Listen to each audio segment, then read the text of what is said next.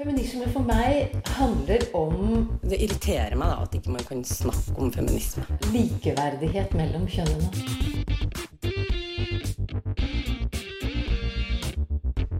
Det blikket på kvinnen på film. handlet det om å bli tatt på alvor som jente. Du hører på Et eget rom på Radio Nova. De ble sett som landssvikere for å forelske seg i feil person, mens andre risikerte både tortur og fengsling i kamp mot tyskerne. Hvordan var det egentlig å være kvinne under okkupasjonen av Norge?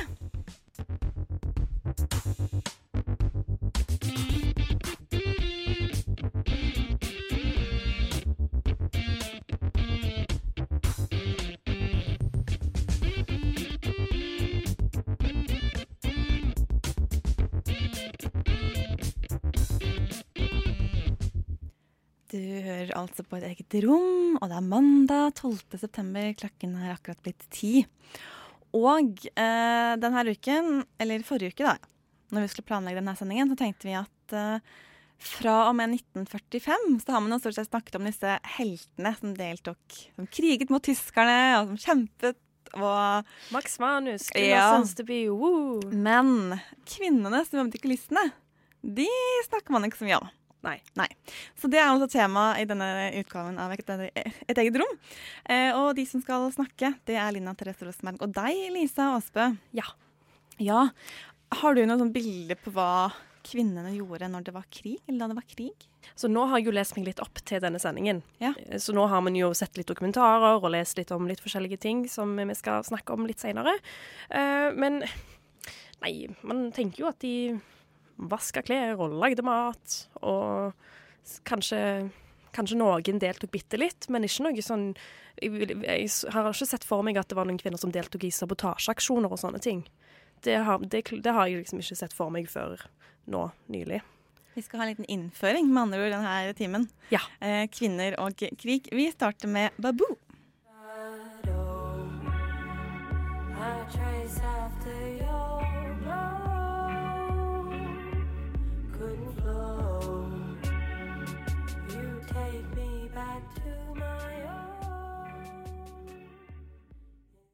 Det var eh, Pix som du hørte aller først her i et eget rom denne mandagen med Lisa og Linda. Låta het Babu.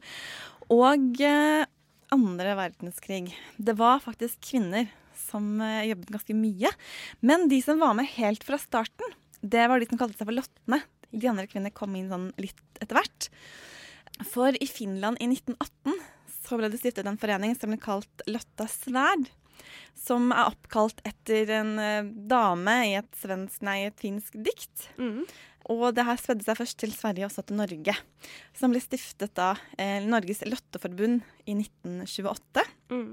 Eh, og ble en landsdekkende forening i 1932. Og før krigen så begynte de Da er vi på 30-tallet, og det skjer ting i Europa.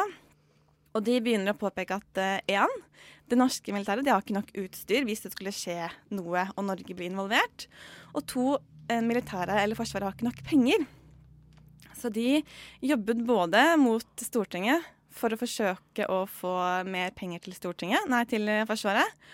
Og de begynte å forberede seg På en eventuell krig. på Ja, og det her var altså eh, forsvarsinteresserte kvinner som ville bidra med sivilt hjelpearbeid. Og det skjedde også i Danmark under krigen, men foreningen ble da stiftet etter krigen Ja. i Danmark. Eh, og de ville rekruttere og utdanne kvinner til dette sivile forsvarsarbeidet. Ja. Og da krigen, eh, eller okkupasjonen skjedde, da, i april 1940, Mm.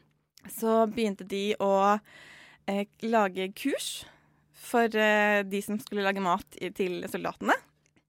Eh, og de strikket og sydde særlig vinterklær til soldatene. Ja. Eh, og de samlet inn klær til soldater, de samlet inn klær til de områdene Særlig etter hvert, da, så var det jo nord. Det var verst. Så de samlet inn klær for å sende nordover. Ja. Og de lagde sånne spedbarnsposer. Oi. Slik at småbarnsmødre som ikke hadde noen ting å gi barna sine, spedbarna sine, de fikk da en pakke Mm. med stoff og klær. Og i tillegg til å hjelpe militæret, så var det en veldig viktig sånn førstehjelpsgruppe, disse kvinnene. Ja. I tillegg til at de hjalp flyktninger i Nord-Norge med mat. Ja. I tillegg til at de hjalp med mat til de som bygde denne mm, forsvarsflyplassen eh, utenfor Bodø. Ja, OK. Det var nemlig det som skjedde på dugnad med hjelp fra britiske styrker. Mm. Eller det britiske flyvåpenet. Mm. Eh, så da tror jeg det jobbet døgnvakt menn for å bygge flyplassen. Og da står kvinnene klare med mat og klær for at det her skulle bli en realitet. Ja, ikke sant. Ja, Vi spilte en veldig, veldig viktig rolle. de spilte en enormt viktig rolle. Du kan jo ikke bare gå og krige. Du må jo ha, trenger jo mat, og du trenger klær. Ja. Og vinteren er jo kjempekald. Ja. Så de var kanskje de som var best forberedt da innovasjonen skjedde. Ja. Men de blir tatt veldig på senga, de også.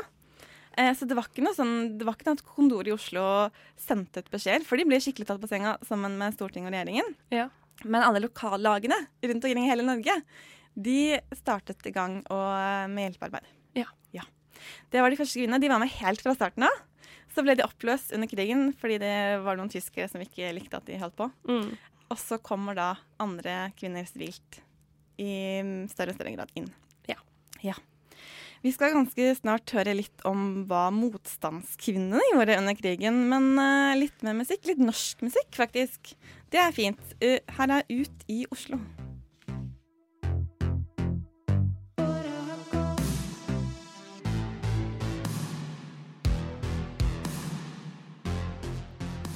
Søskenduoen Kalvert med låta 'Ut i Oslo' hører du her. De har tidligere vært spilt her med låta 'Tak for Steve Brooklyn', men nå er det altså 'Ut i Oslo' det skjer.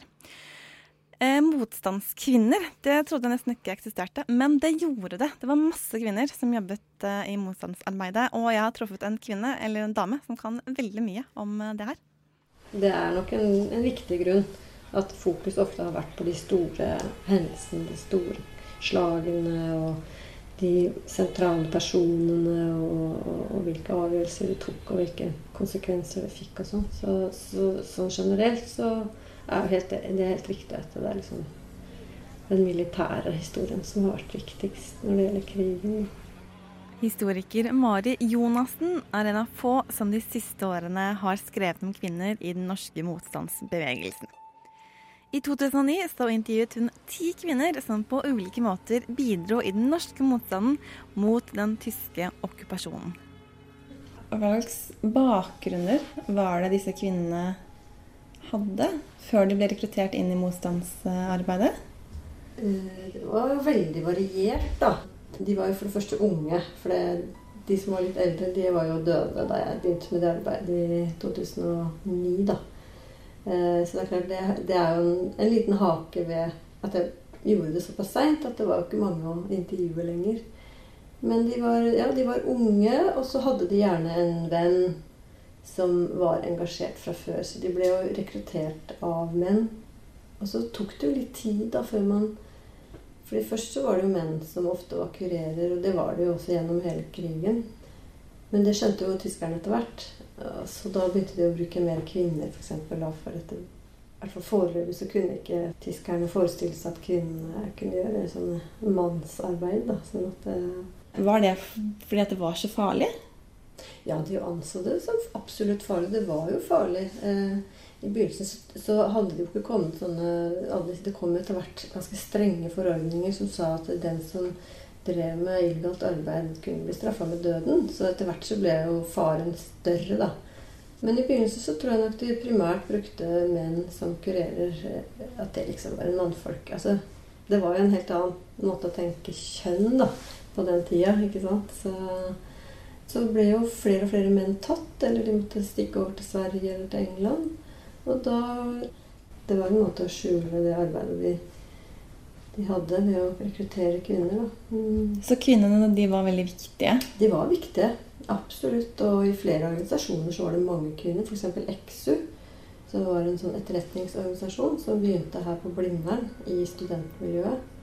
Eh, Der var det mange kvinner involvert. Kvinnelige studenter. Og, og de var også sentrale høyt oppe i systemet. Altså de hadde maktposisjoner, da. Sånn som Ann Sofie Strømnes, f.eks. Både kurervirksomheten og det å hjelpe flyktninger var viktige bidrag fra kvinnene.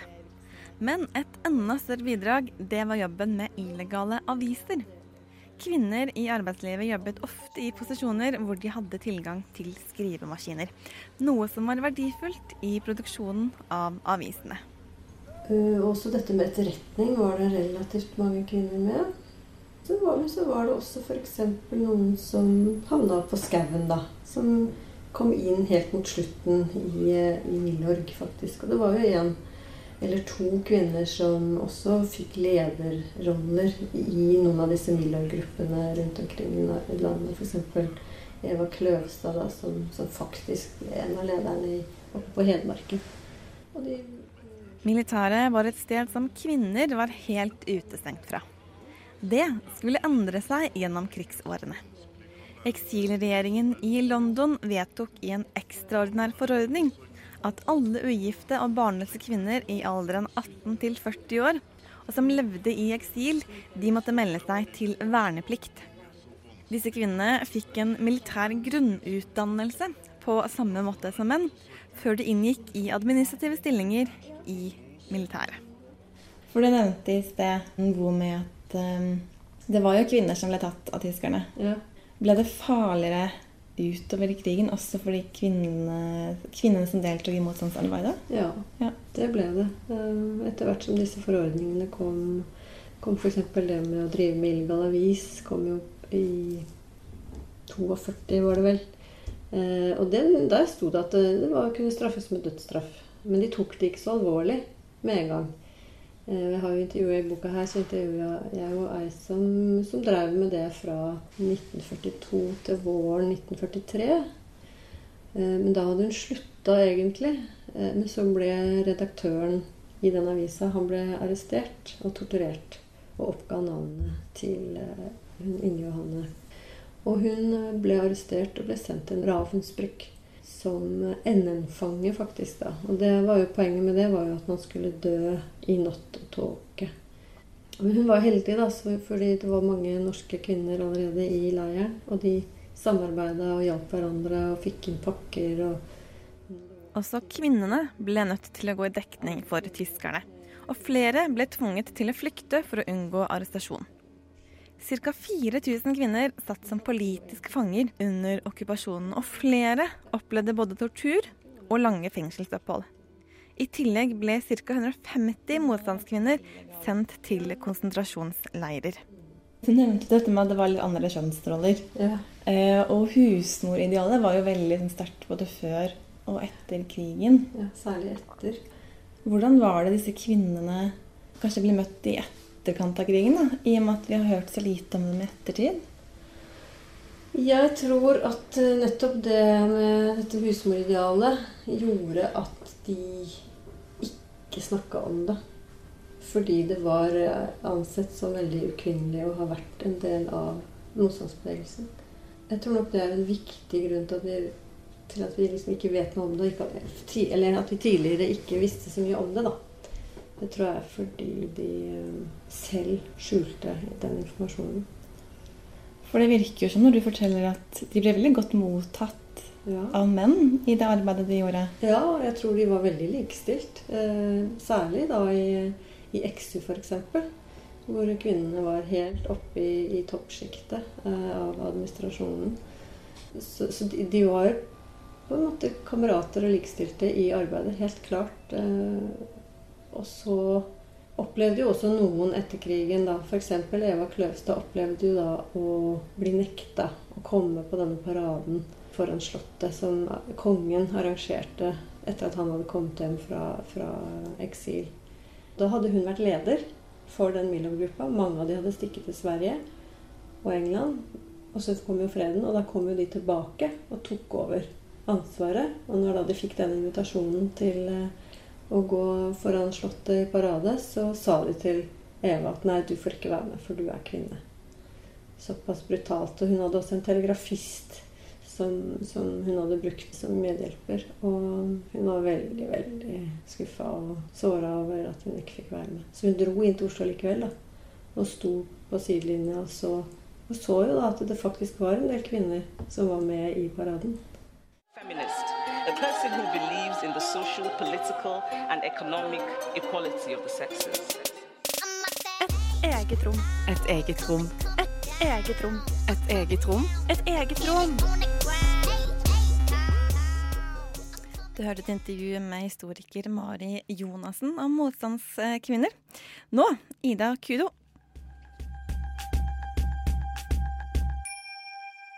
Gonna keep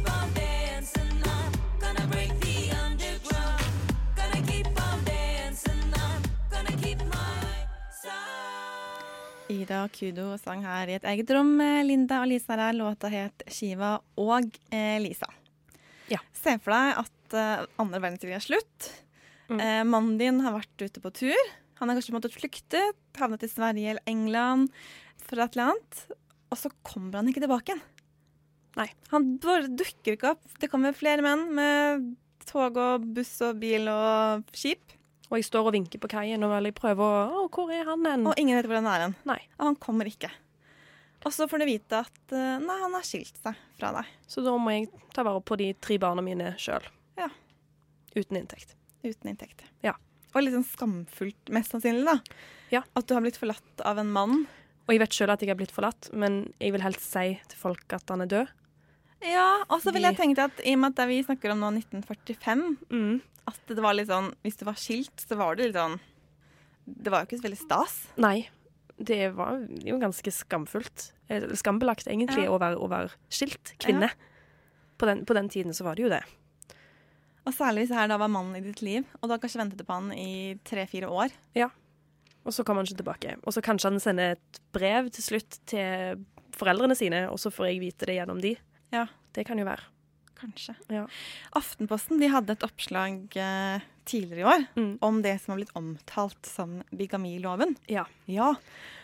Eh, og det høres helt sykt ut. Ja. At det var mulig å skille seg helt uten videre Mm. eh, når man var utenlands. Men det var mulig. Det var det. Ja. Dette var helt reelt. Innført under annen verdenskrig. Og advokat Elisabeth Ville hun skriver på en bok om akkurat dette temaet. Og sier at det første hun tenkte da hun hørte om denne loven, det var at eh, det her kan ikke stemme. Ja. Altså, det her hørtes helt rart ut. Eline Hystad hun har truffet Elisabeth Ville for å høre mer om denne såkalte bigamiloven. Kanskje begynne med å fortelle litt om hva bare generelt hva bigamiloven er, eller den Ja. såkalte Ja. bigamiloven. Ja. Eh, Bigamiloven er jo ikke det den sier at den er, eh, hadde jeg nesten sagt. Fordi det er jo en lov som ga en reell rett til skilsmisse. Sånn at de, den skilsmissen var, var formelt i orden, og de ekteskapene som ble inngått etterpå, var, var gyldige. Men det som var grunnen til at den ble kalt bigamiloven, var at dette var en lovendring som regjeringen i London gjorde i 1942, hvor de endret ekteskapsloven sånn at det var mulig for folk som var i, i utlandet under krigen, og primært menn da, selvfølgelig, som kunne få skilsmisse fra sin norske ektefelle etter tre års eh, hvor opp, at samlivet var opphevet, og uten at ektefellen i Norge fikk noe beskjed. Så de ektefellene som var igjen i Norge, de visste jo ikke at de var skilt. Og de opplevde jo da som bigami når mannen kom hjem med en ny ektefelle.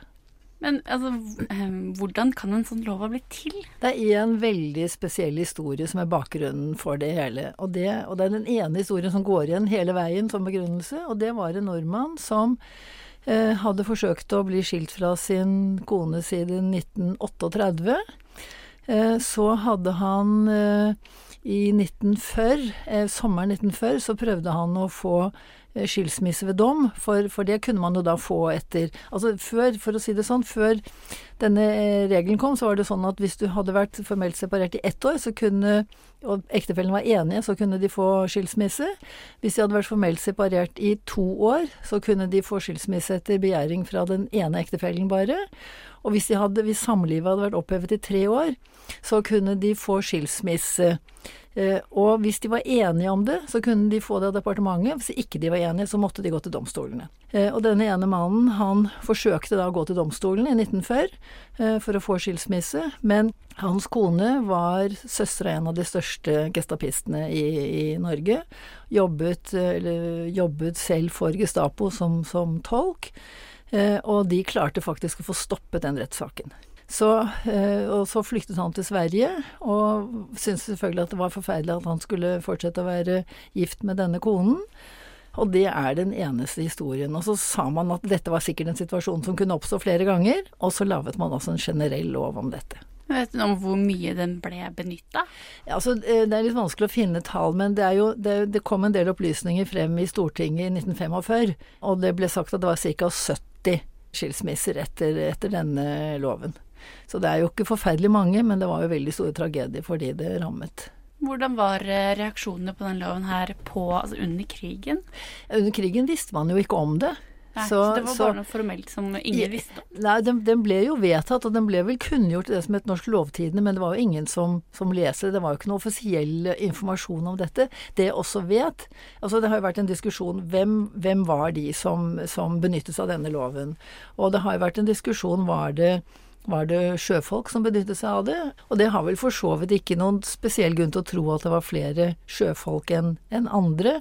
Men det som er et faktum, i hvert fall er at, at Sjømannsforbundet skrev et brev til Justisdepartementet i London og spurte om det var slik at det var vedtatt en sånn lov, og, og fikk beskjed om at det var det. Så sjømannsorganisasjonene visste i hvert fall om det. Men etter krigen da ble loven oppheva i stillhet, eller? Nei, det ble den ikke. Det var noen høyrekvinner som ble oppmerksom på dette vel sommeren 45 og som, som, da tok det opp i Stortinget, og det ble mye brudulje, fordi det ble på Det var da vel eh, Arbeiderpartiet kanskje som sa at dette var, dette var valgpropaganda fra Høyres side å ta opp dette. Og først så ble det sagt at Altså, dette var en provisorisk anordning, og ordningen var sånn at alle provisoriske anordninger de skulle behandles av det nye Stortinget etter valg høsten 45. Så, så først så sa de at denne loven skulle også vurderes sammen med de andre provisoriske anordningene, om de, om de skulle oppheves. Men det ble såpass mye bråk av det at den ble faktisk opphevet omtrent en uke etter at det var tatt opp i Stortinget. Og så var det jo mye skriverier om den umiddelbart etterpå, og blant annet noen som sa det at disse, disse ektefellene, da, de fraskilte konene stort sett, at de, de burde jo få krigserstatning. Og de var så få at dette, dette, var jo noe som staten hadde råd til, men det ble ikke noe mer av det, og så døde egentlig hele saken bort. Så hele saken døde på en måte i 1945, da? Ja, fordi, fordi at de færreste har jo hørt om det nå. Ja. Men jeg tror at det var så skambelagt for disse kvinnene at de, de ville ikke snakke om det. Og det er jo en uh, uttalelse som er referert vel i stortingsdokumentene, som, som med en enke, en som hadde mistet mannen sin uh, under krigen, sa at hun, hun var, ville mye heller være enke enn å være skilt etter bigamiloven. Det var, det var, uh, det var veldig traumatisk for disse, for disse kvinnene. Eline Hystad var det som hadde snakket med Elisabeth Ville om det som i ettertid har blitt omtalt som bigamiloven. Vi har gått litt tilbake i tid i denne ukens Et eget rom, og det er tittelen på den låta vi skal høre nå også. Der er støv og sangen 'Kamuflert tidslinje'. En bortgjemt stemme,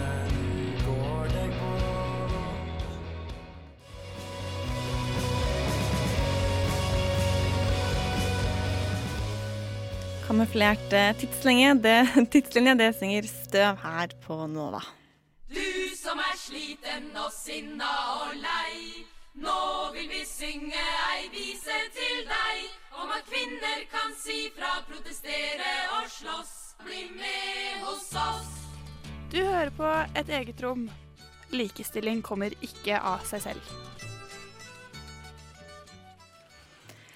Lisa og Linda er det som holder deg med selskap denne mandagen. Og vi snakker altså om kvinner og den andre verdenskrig. Og er det noe man har fått med seg eh, etter 13 års obligatorisk skolegang, så er det vel dette med tyskertøser og krigsbarn og sånt. Ja, guri.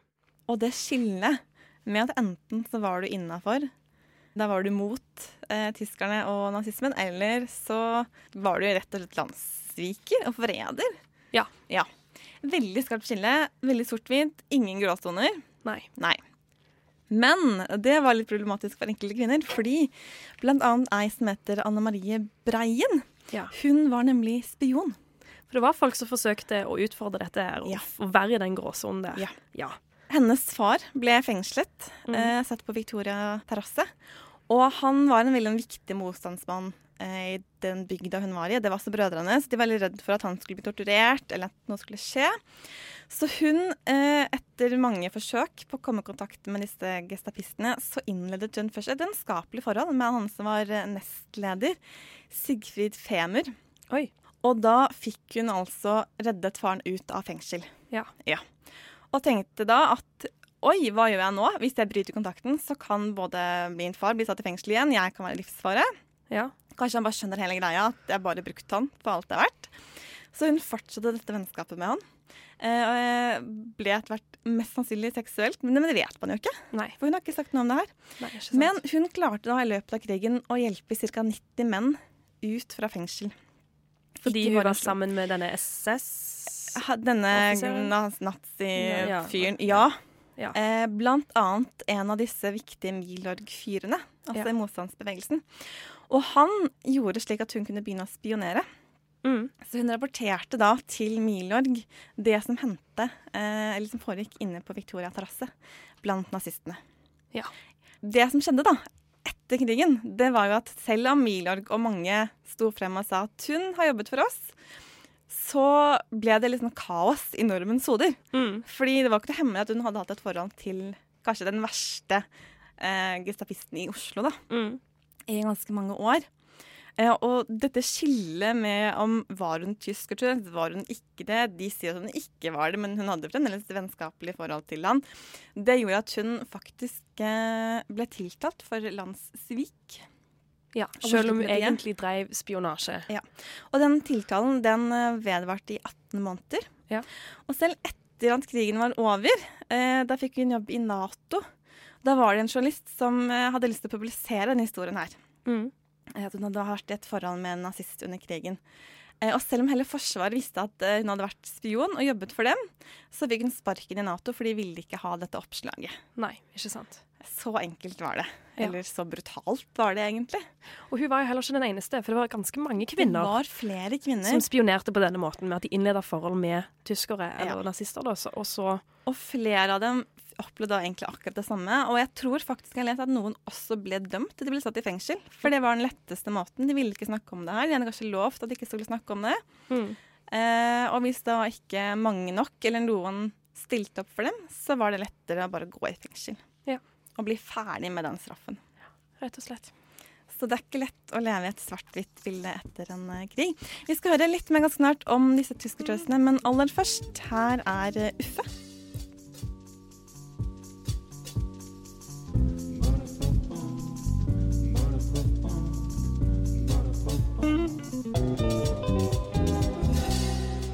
København-baserte Uffe hørte du her med Who's Life eh, på Radionova. Et eget rom. Linda og Lisa er i studio og snakker om kvinner og andre verdenskrig. Hvis du hadde glemt det eller ikke hadde fått med deg, Ja. så vet du det nå. Eh, vi var litt innom dette med tyskertøser og dette skillet mellom Er man eh, Spion, eller er du tyskertøs? ja. Sofia Fischer hun har sett litt med på disse tyskertøsene og deres krigsbarn. Kärlighet. Underbart och vackert. Och något som vi alla önskar uppleva någon gång i vårt liv. Men kärlighet har också en mörk sida. Den kan vara förbjuden, den kan vara en skam. Och den kan helt enkelt bli bara helt fel. Som var det i alla fall för norska kvinnor som hade en romantisk relation med tyska män. Och by the way nämnde jag att dessa tyska män var nazisoldater. Ja, ni känner problematiken. Jag har varit och intervjuat Kersti Eriksson som tillsammans med Eva Simensen skrev boken Krigsbarn i fredstid. Eh, hva er krigsbarn egentlig? så er det et barn som har en eh, tysk eh, soldat som far og en eh, norsk kvinne som mor. Vi regner med at det var eh, mellom 8000 og 10 000. I hvert fall så er det anslaget gjort av en historiker som heter Kåre Olsen, som vel er den som er best til å gjøre sånne anslag i landet. Og det var sånn at tyskerne de var veldig interessert i disse barna. Fordi de syntes jo at eh, nordmenn rasemessig var veldig verdifulle. Sånn at de prøvde å lage et slags register over alle barn med tysk far og norsk mor som ble født i Norge under krigen. Det såkalte Lebensborn-registeret. Og det har sikkert litt over 8000 navn. Men det er jo ikke alle barn som ble født eh, som har havnet i det registeret. De klarte ikke å registrere alle. Var det kun Norge da, eller var det andre? Nei. Det er veldig interessant, eh, fordi eh, Norge er kanskje det landet hvor vi vet mest om våre egne krigsbarn. Men krigsbarn av denne typen finnes det jo i alle land som var okkupert av tyskerne. Så det, hvor mange det er, det er det jo ingen som vet. Men det har vært veldig mye taushet og skam rundt dette i mange land. Sånn at eh, det er først kanskje de siste 10-20 årene at eh, det har begynt å bli en oppmerksomhet rundt det. Hvordan var det at være et krigsbarn å vokse opp i Norge? Det var tungt for mange, og for noen så var det ganske greit. Men det er klart at eh, rett etter krigen så var det eh, ganske sterke fordommer og fiendtlighet både mot mødrene deres og mot disse små barna. Og hadde, mange hadde forestillinger om at de kom til å vokse opp eh, til å bli nazister, f.eks. Til ikke å bli til å stole på. De kom til å bli en trussel mot demokratiet. Og noen mente også at de eh, kom til å bli alkoholikere, prostituerte, åndssvake, ikke minst fordi de bar på veldig dårlige gener, både fra moren sin, som hadde gjort noe så forferdelig som å ligge med en tysker, og også fra den tyske faren. Da. Så det var veldig mange sånne forestillinger rundt barna i den første tida etter krigen. Ikke alle tenkte sånn, det var noen som forsvarte både mødrene og barna også. Men eh, jeg må si at det var en ganske hatsk stemning i deler av befolkninga i hvert fall. Mye fæle artikler i avisene og sånne ting. Psykiatriske eksperter som uttalte seg nokså hårreisende om, eh, om disse barna. Og hva slags fare de kunne medføre. Ja, så det blir nesten som en, som en rasfråge her i Norge også. Ja, det kan jeg nesten si. Og det som er litt eh, paradoksalt, da, det er jo at disse barna først av tyskerne ble framhevet som en slags genetisk elite, eller rasemessig elite. Og så, når tyskerne forsvinner og nordmennene får makta i landet igjen, så blir de framstilt som nesten det motsatte. Med litt av den samme retorikken. Jeg skal ikke si at eh, den norske retorikken var like ille som nazistenes, for det er nok en overdrivelse, men at det var noe av samme preget, det tror jeg vi kan slå fast. Tyska tøser, även tyska jenter, var et nedsettende ord for kvinner i Norge og Danmark som hadde sexuella forbindelser med tyska soldater under andre verdenskrig. Vid krigets slut ble det offer for omfattende og grova hevnaksjoner og overgrep fra allmennhetens sida. Varav det mest kända var att få sitt hår avklippt. Du utsattes också för många fall av rättsövergrepp från myndigheternas sida trots det faktum att de inte hade brutit mot lagen eller begått något faktiskt förräderi. Detta fenomen var dock inte exklusivt för Norge utan hade sina motsvarigheter även i övriga länder som ockuperades av Tyskland under andra världskrig. Stridsspørsmålene etter krigen, egentlig, var hvordan skulle en se på disse barna? Var de norske, eller var de tyske? Og det var jo mange som mente at de var tyske, og at de burde egentlig deporteres til Tyskland alle sammen, for det var uh, tyske barn. De kunne ta disse ungene sjøl. Så var det sånn at hvis moren gifta seg med faren, så mista hun uh, det norske statsborgerskapet sitt og ble eh, tvunget til å flytte til Tyskland. Det gjaldt også barnet.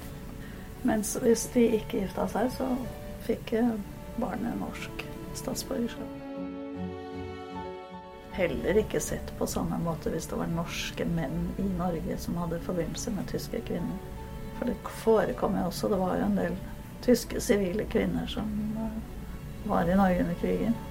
Men det var eh, kvinnene.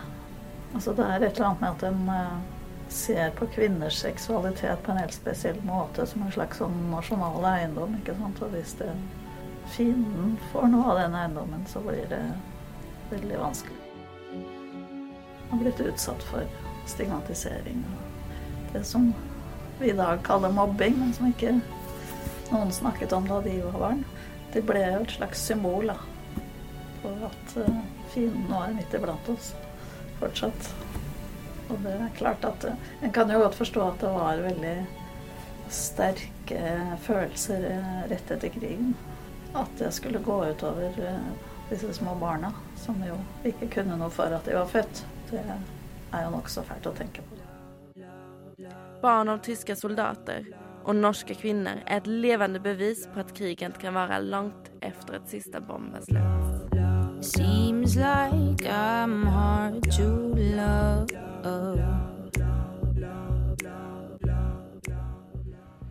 Sofia Fischer var det som hadde snakket med Kjersti Eriksson om dette med tyskertøser og krigsbarn her på et eget rom. En brasilianer bosatt i Bergen, det er utgangspunktet for Living, og her er Flora Hedron.